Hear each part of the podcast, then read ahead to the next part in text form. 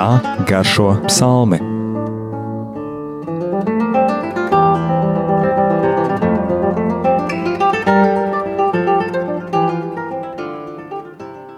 Slavēts Jēzus Kristus! Studijā Stela.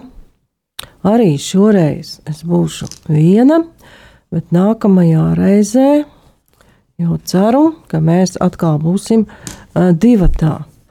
Un pagājušā reizē sākām lasīt ļoti garu psalmu, kurš ir pats pats garākais psalms visās piecās psalmu grāmatās. Tas ir 119. psalms. Un kā jau iepriekš sapratām, tajā ir 176 panti, tā tad ļoti daudz pantu. Jau iepriekšējā reizē pievērsu uzmanību tam, ka psalms ir veidots kā akrostiks, kā tur ir tādas pantu kopas, tādi panti pa astoņām rindām, un katrs sākas ar vienu no ebreju alfabēta burtiem. Līdz ar to visā psalmā caur šīm astoņu rindēm psalma autors, kas visticamāk ir ķēniņš Dāvids, iziet cauri visam ebreju alfabētam, tātad ceļot cauri visiem burtiem, no kuriem viņa tauta veido vārdus, teikumus, kuros ir pierakstīts kunga likums, kuros viņa tauta runā, un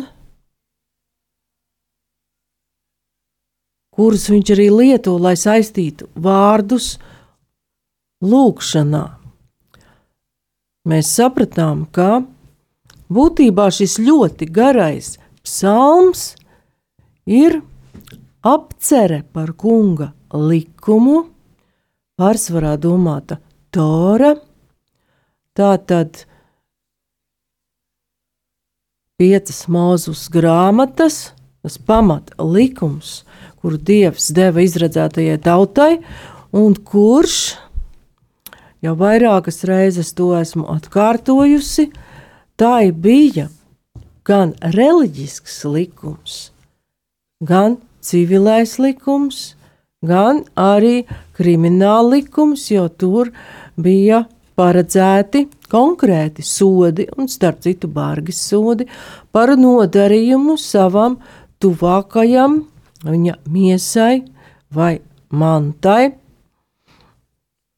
Un sapratām, ka ķēniņš, Dāvids, tas var būt arī jebkurš cits cilvēks, apbrīno šos likumus, kuri ir doti cilvēkam, lai viņš varētu iet taisnus ceļus. Un staigāt pēc kunga likuma. Un 105. pants šajā ļoti garajā psalmā pasaka ļoti konkrēti, kas īsti ir šis kunga vārds, kas ir izteikts caur likumu. Tavs vārds ir manu kāju spīdeklis un gaišums uz maniem ceļiem. Tātad šis likums, ko mēs arī pazīstam, fiksētu rakstītā vārdā, un pirmkārt tā izējas punkts ir dekalogs, apspīd ceļu, pa kuru psalmists iet, lai viņš zinātu, kā katrā dzīves situācijā rīkoties.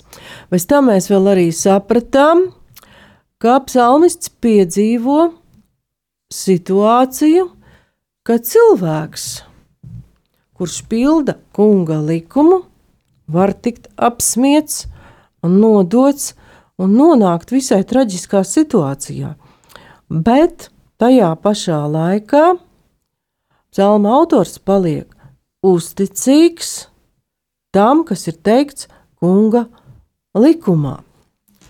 Un šodien vairāk ieskatīsimies tādos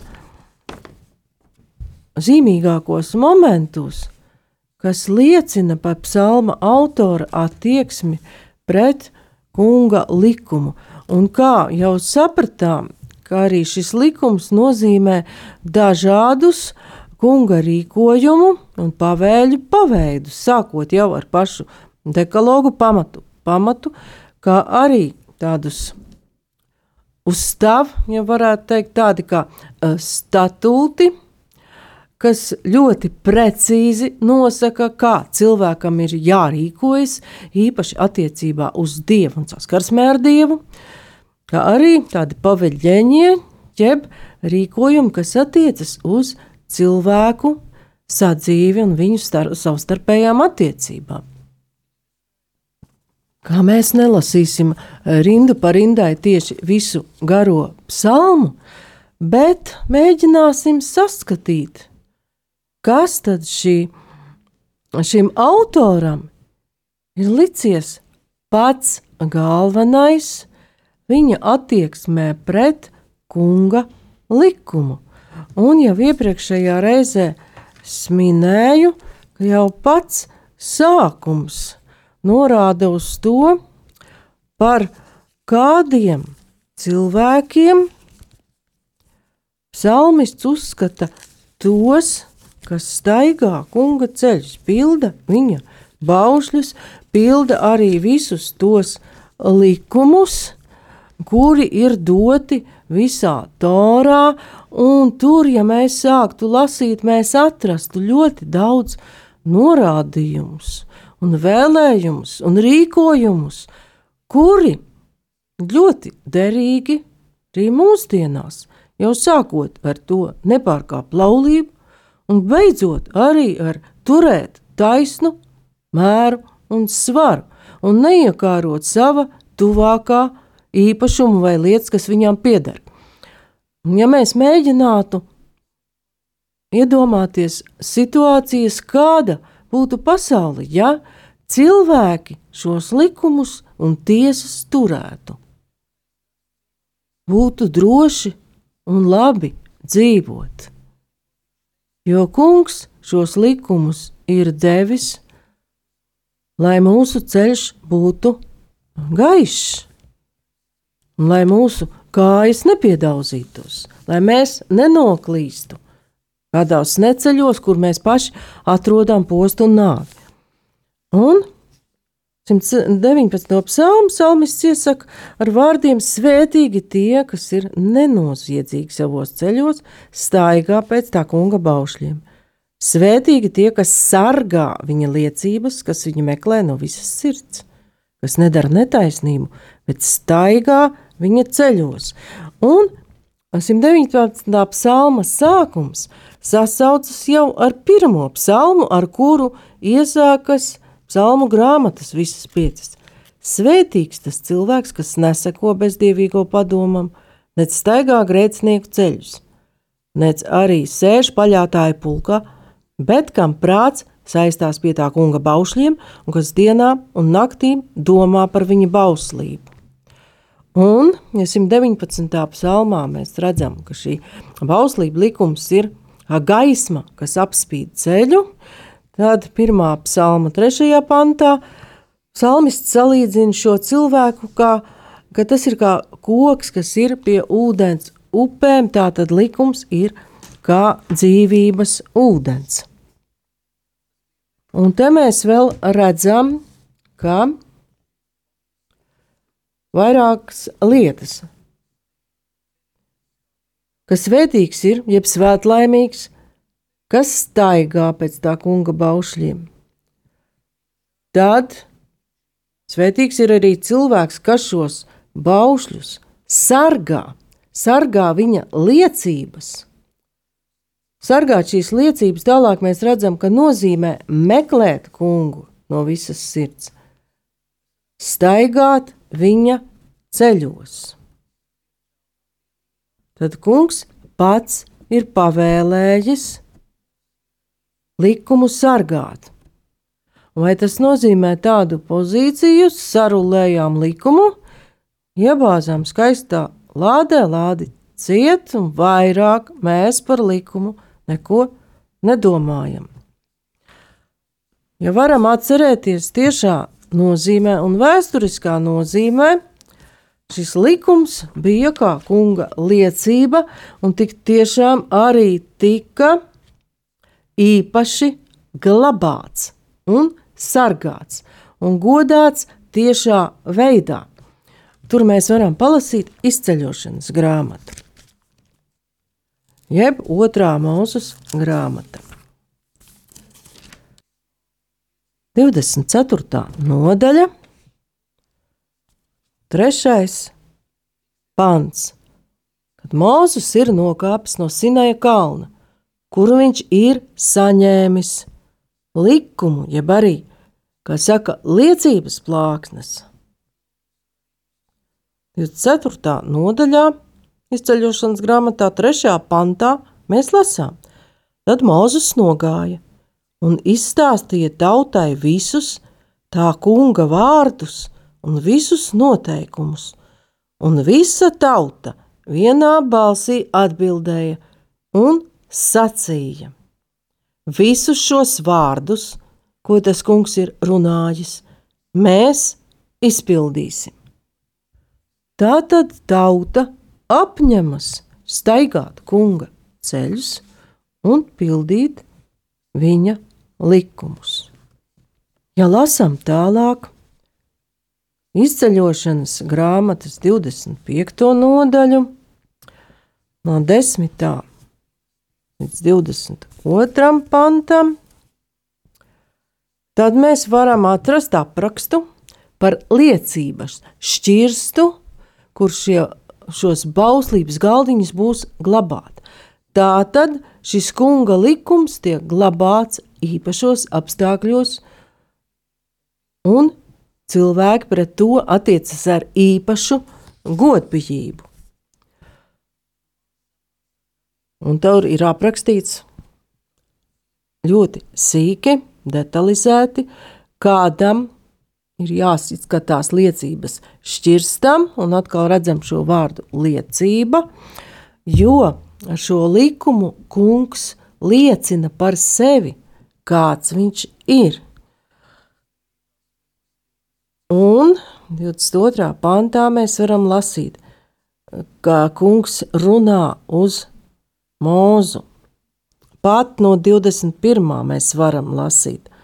Vai pašā 25. nodaļā izceļošanas grāmatā salīdzināšanas vāku uzliek šķirstam, kad tu būsi ielicis liecību šķirstā, ko es tev došu un šeit es ar tevi sastapšos no salīdzināšanas vāka virsus, no vietas starp abiem ķerubiem, kas atrodas virs liecības šķirsta. Es runāšu uz tevi visu, ko es tev pavēlēšu priekš Izrēla bērniem. Tā tad liecība tiek glabāta īpašā vietā, liecības šķirstā.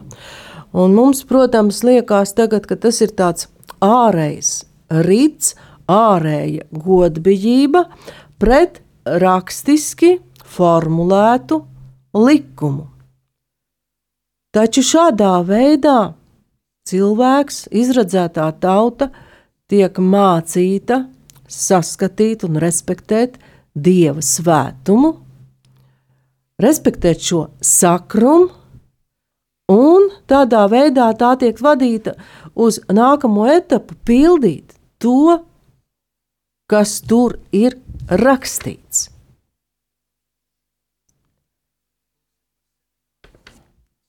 Ja lasām tālāk, 31, 18. Jau mēs redzam tuvāk, kā toreiz izskatījās kunga likums. Un, kad tas kungs bija beidzis runāt ar Mūzu Sinaja kalnā, tad viņš deva Mūzum divas liecības plāksnes, akmens plāksnes, kas bija dieva pirksta aprakstītas. Tad vēl tiešāk, ka pats dievs ar šo izteiksmes veidu, dieva pirksta aprakstīts, ir pateikts tas, ka pats dievs ir devis šo likumu šo liecību par sevi. Taču jau 32. nodaļā mēs lasītu otro mūzus, jeb izceļošanas grāmatu, mēs redzam, ka tauta ļoti ātri no kunga ceļiem un no kunga likuma iet nost. Tā atrod kaut ko tādu labāk saprotamu, tuvāku, sirdī it kā un sāk pielūgt zelta teļu.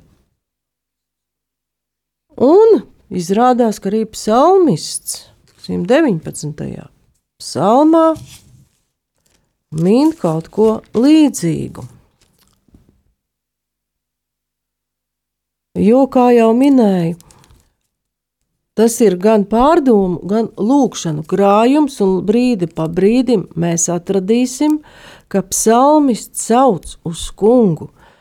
Kad kā paturēt jauneklim šķīstu viņa ceļu, mēs lasām 9. pantā.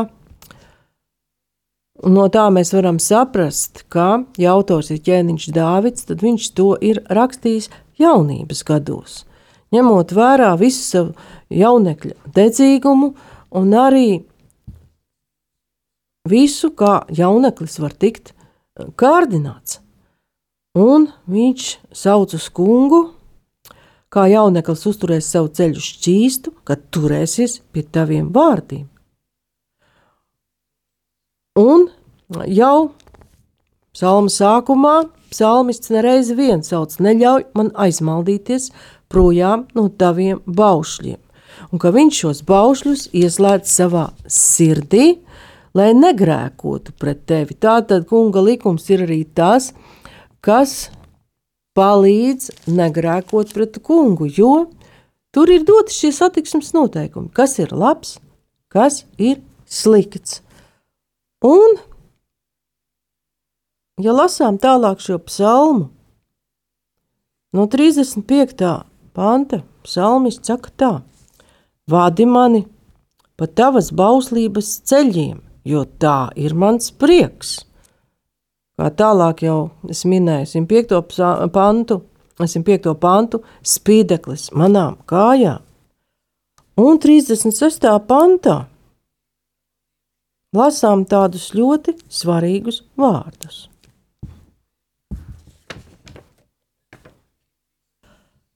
Piegriez manu sirdi tavām liecībām, bet ne mantas kārei.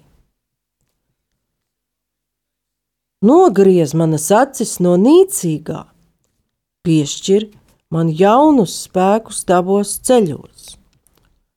Liec, lai tavs kalps, tavu bausli stingri atzīst par tavu vārdu, ka viņš tiešām tevi bīstas. Pasargi mani no kauna, no kā es visai bīstos, jo tavas tiesas ir taisnas.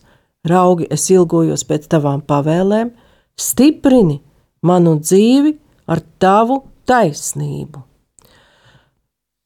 Un ko tad ietver šis lūgums? Salma autors sauc uz kungu, lai tas pievērš viņa sirdi kunga likumam, bet ne mantas skārei. Jo, ja atcerēsimies kaut vai desmit vārdus, jeb dekalogu, ka tur ir jau teikts, tev nebūs iekārot ne savu tuvākā namu, ne sievu, ne citu kādu lietu, kas viņam pieder. Tātad šis likums sargā no mantas kārības un ļoti atgādina mums kaut ko. Par šīm lietām jaunajā derībā runā Jēzus savā kalna mācībā. Un bez tam mēs varam atcerēties, ka te nekur nav teikts, ka manta kā tāda ir slikta, vai ka tā ir, nu, tā teikt, pilnīgi atmetama, Jo pat atkārtotā likuma grāmatā, ja mēs lasītu astoto nodaļu, kungs pat it kā priecājas, ja viņa tautas dēliem un meitām krājas labums, ka tu būsi sakrājis zeltu un sudrabu, un tas sāks tavos namos krāties. Tātad tā ir labklājība, tā ir kunga svētība. Kungs tomēr atgādina, Atceries, kas tev deva šo spēku un gudrību, to mantu iegūt, kas tev deva šo iespēju pelnīt, atrast iespēju kļūt turīgam. Un Jēzus Mateja evaņģēlijā, Kalna sprediķī, jeb Kalna runā, to lietu jau pagriež pat ļoti radikāli. Nekrājiet, tā ir sestā nodaļa Mateja evaņģēlijas, un 19. panta nekrājiet sev mantas virs zemes, kur kodas un rūsa tas maitā, un kur zagļi rok un zog, bet krājiet sev mantas debesīs, kur ne kodas, ne rūsa tās nemaitā, un kur zagļi nerok un nezog.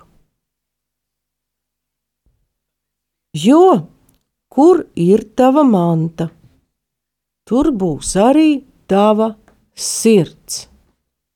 Tātad kalna svētībās Jēzus teiktais vēl dziļāk paskaidro kunga likumu un kāpēc tad psalma autors tās sauc, lai viņa sirds tiktu pievērsta kunga likumam, lai tas likums būtu viņa sirdī. Un tā tad vai nu tavā sirdī būs kungs un viņa likums, vai būs manta, un mantai ir savi likumi. Un tālāk mēs Mateja evaņģēlijas sastā nodaļā varam lasīt – Miesas spīdeklis ir acs.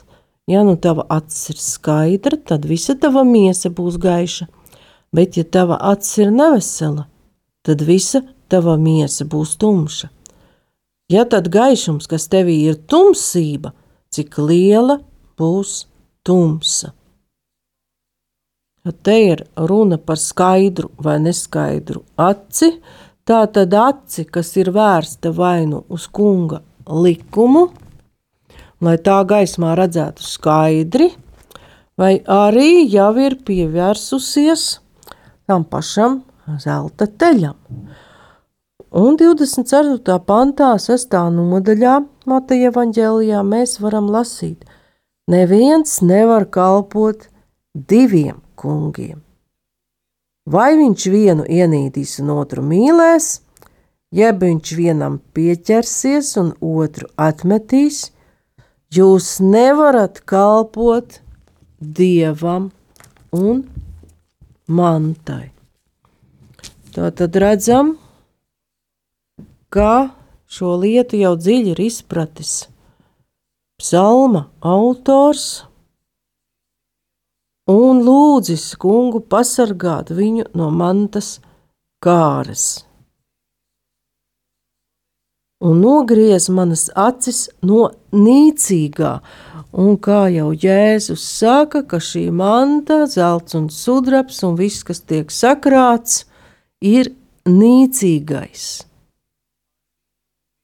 Un aicina krāt šo neiznīcīgo mantu, bet vai ar to ir domāts? Kā jau es minēju, ka tas, ko cilvēku roka darbs ir sarūpējis, ir tik slikts. Nekur, ne vecajā derībā, ne jaunajā derībā, mēs neatradīsim vārdus par to, ka arī būt turīgam, materiāli nodrošinātam ir slikti. Vecajā derībā tā bija īpaša kunga svētības izpausme. Kā ja cilvēks ir turīgs, viņam laba veselība, liela ģimene, garš mūžs, viņš ir dieva īpaši svētīts.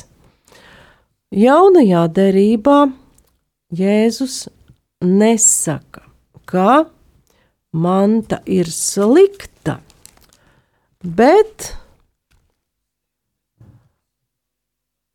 tomēr no viņa teiktā saprotam, ka tā ir pārbaudījums un tik tiešām var cilvēku vest sānis no kunga likuma. Jo kungs saka kādā vietā, ka bagātais grūti ieies dieva valstībā.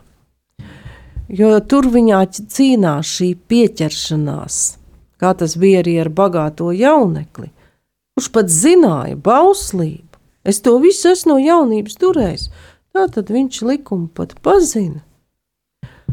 Karo ar tieksmi paļauties uz to, ko tu zini, pazīsti un pats esi sastrādājis it kā. Taču cilvēks aizmirst, ka visā šajās iespējās klāt ir pats Dievs, kas dod iespēju. Nonākt pie turības, un cilvēks ir aicināts vienmēr atcerēties, no kā viņš to visu ir saņēmis. Vēl mēs varam ievērot psalmā nedaudz iepriekš 29. 30. pants, kas ir nedaudz pirms pantiem par mantu. Pasargi mani no melu ceļiem, bet dāvini man savus baušļus. Es izredzēju sev patiesības ceļu, es turu sev acu priekšā tavus rīkojumus, es turos pie tavām liecībām, kungs, nepamet man kaunā, es tecēšu tev uz bauslības ceļu, jo tu apgaismo manu sirdi. Tā tad te arī redzam, izvēle, ka cilvēkam ir izvēle izvēlēties patiesības ceļu vai melu ceļu, un, ja kunga vārds, viņa likums ir spīdeklis uz kunga, kunga vārds ir spīdeklis uz cilvēka ceļiem, uz viņa kājām, tad viņš būs spējīgs atrast šo patiesības ceļu. Un Visbeidzot, vēl var pieminēt, ko es iepriekš arī pieminēju, ka psalmists paliek uzticīgs kunga likumam, bet ka nereizi vien psalma pantos parādās doma, ka cilvēks, kas respektē dieva likumus, tiek apspiesti pret viņu, sarunājas un viņam var kunga likuma dēļ klāties nevisai labi. Un pēdējā laikā mēs redzam arī Latvijā, ka pat tādas tiesu iestādes kā satversmes tiesa pieņem lēmumus, kas ir dziļā pretrunā ar kunga likumu, ar viņa iedibināto kārtību, un dara pat to, nerespektējot mūsu likuma prasības, kuras pilnībā atbilst kunga likumam, un tad rodas jautājums, kā justos un kāda būtu attieksme pret satversmes tiesas tiesnesi, kurš nostātos pret pārējiem, ka piedodiet, tas neiet kopā ar kunga likumu.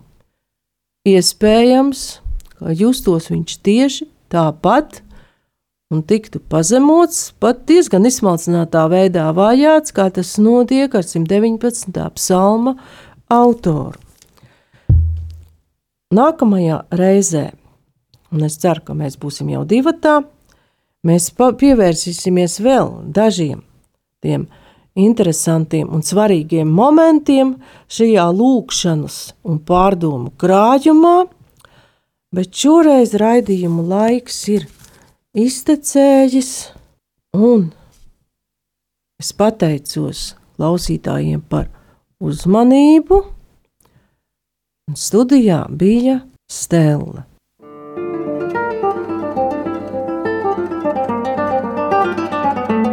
Kā garšo psalmi?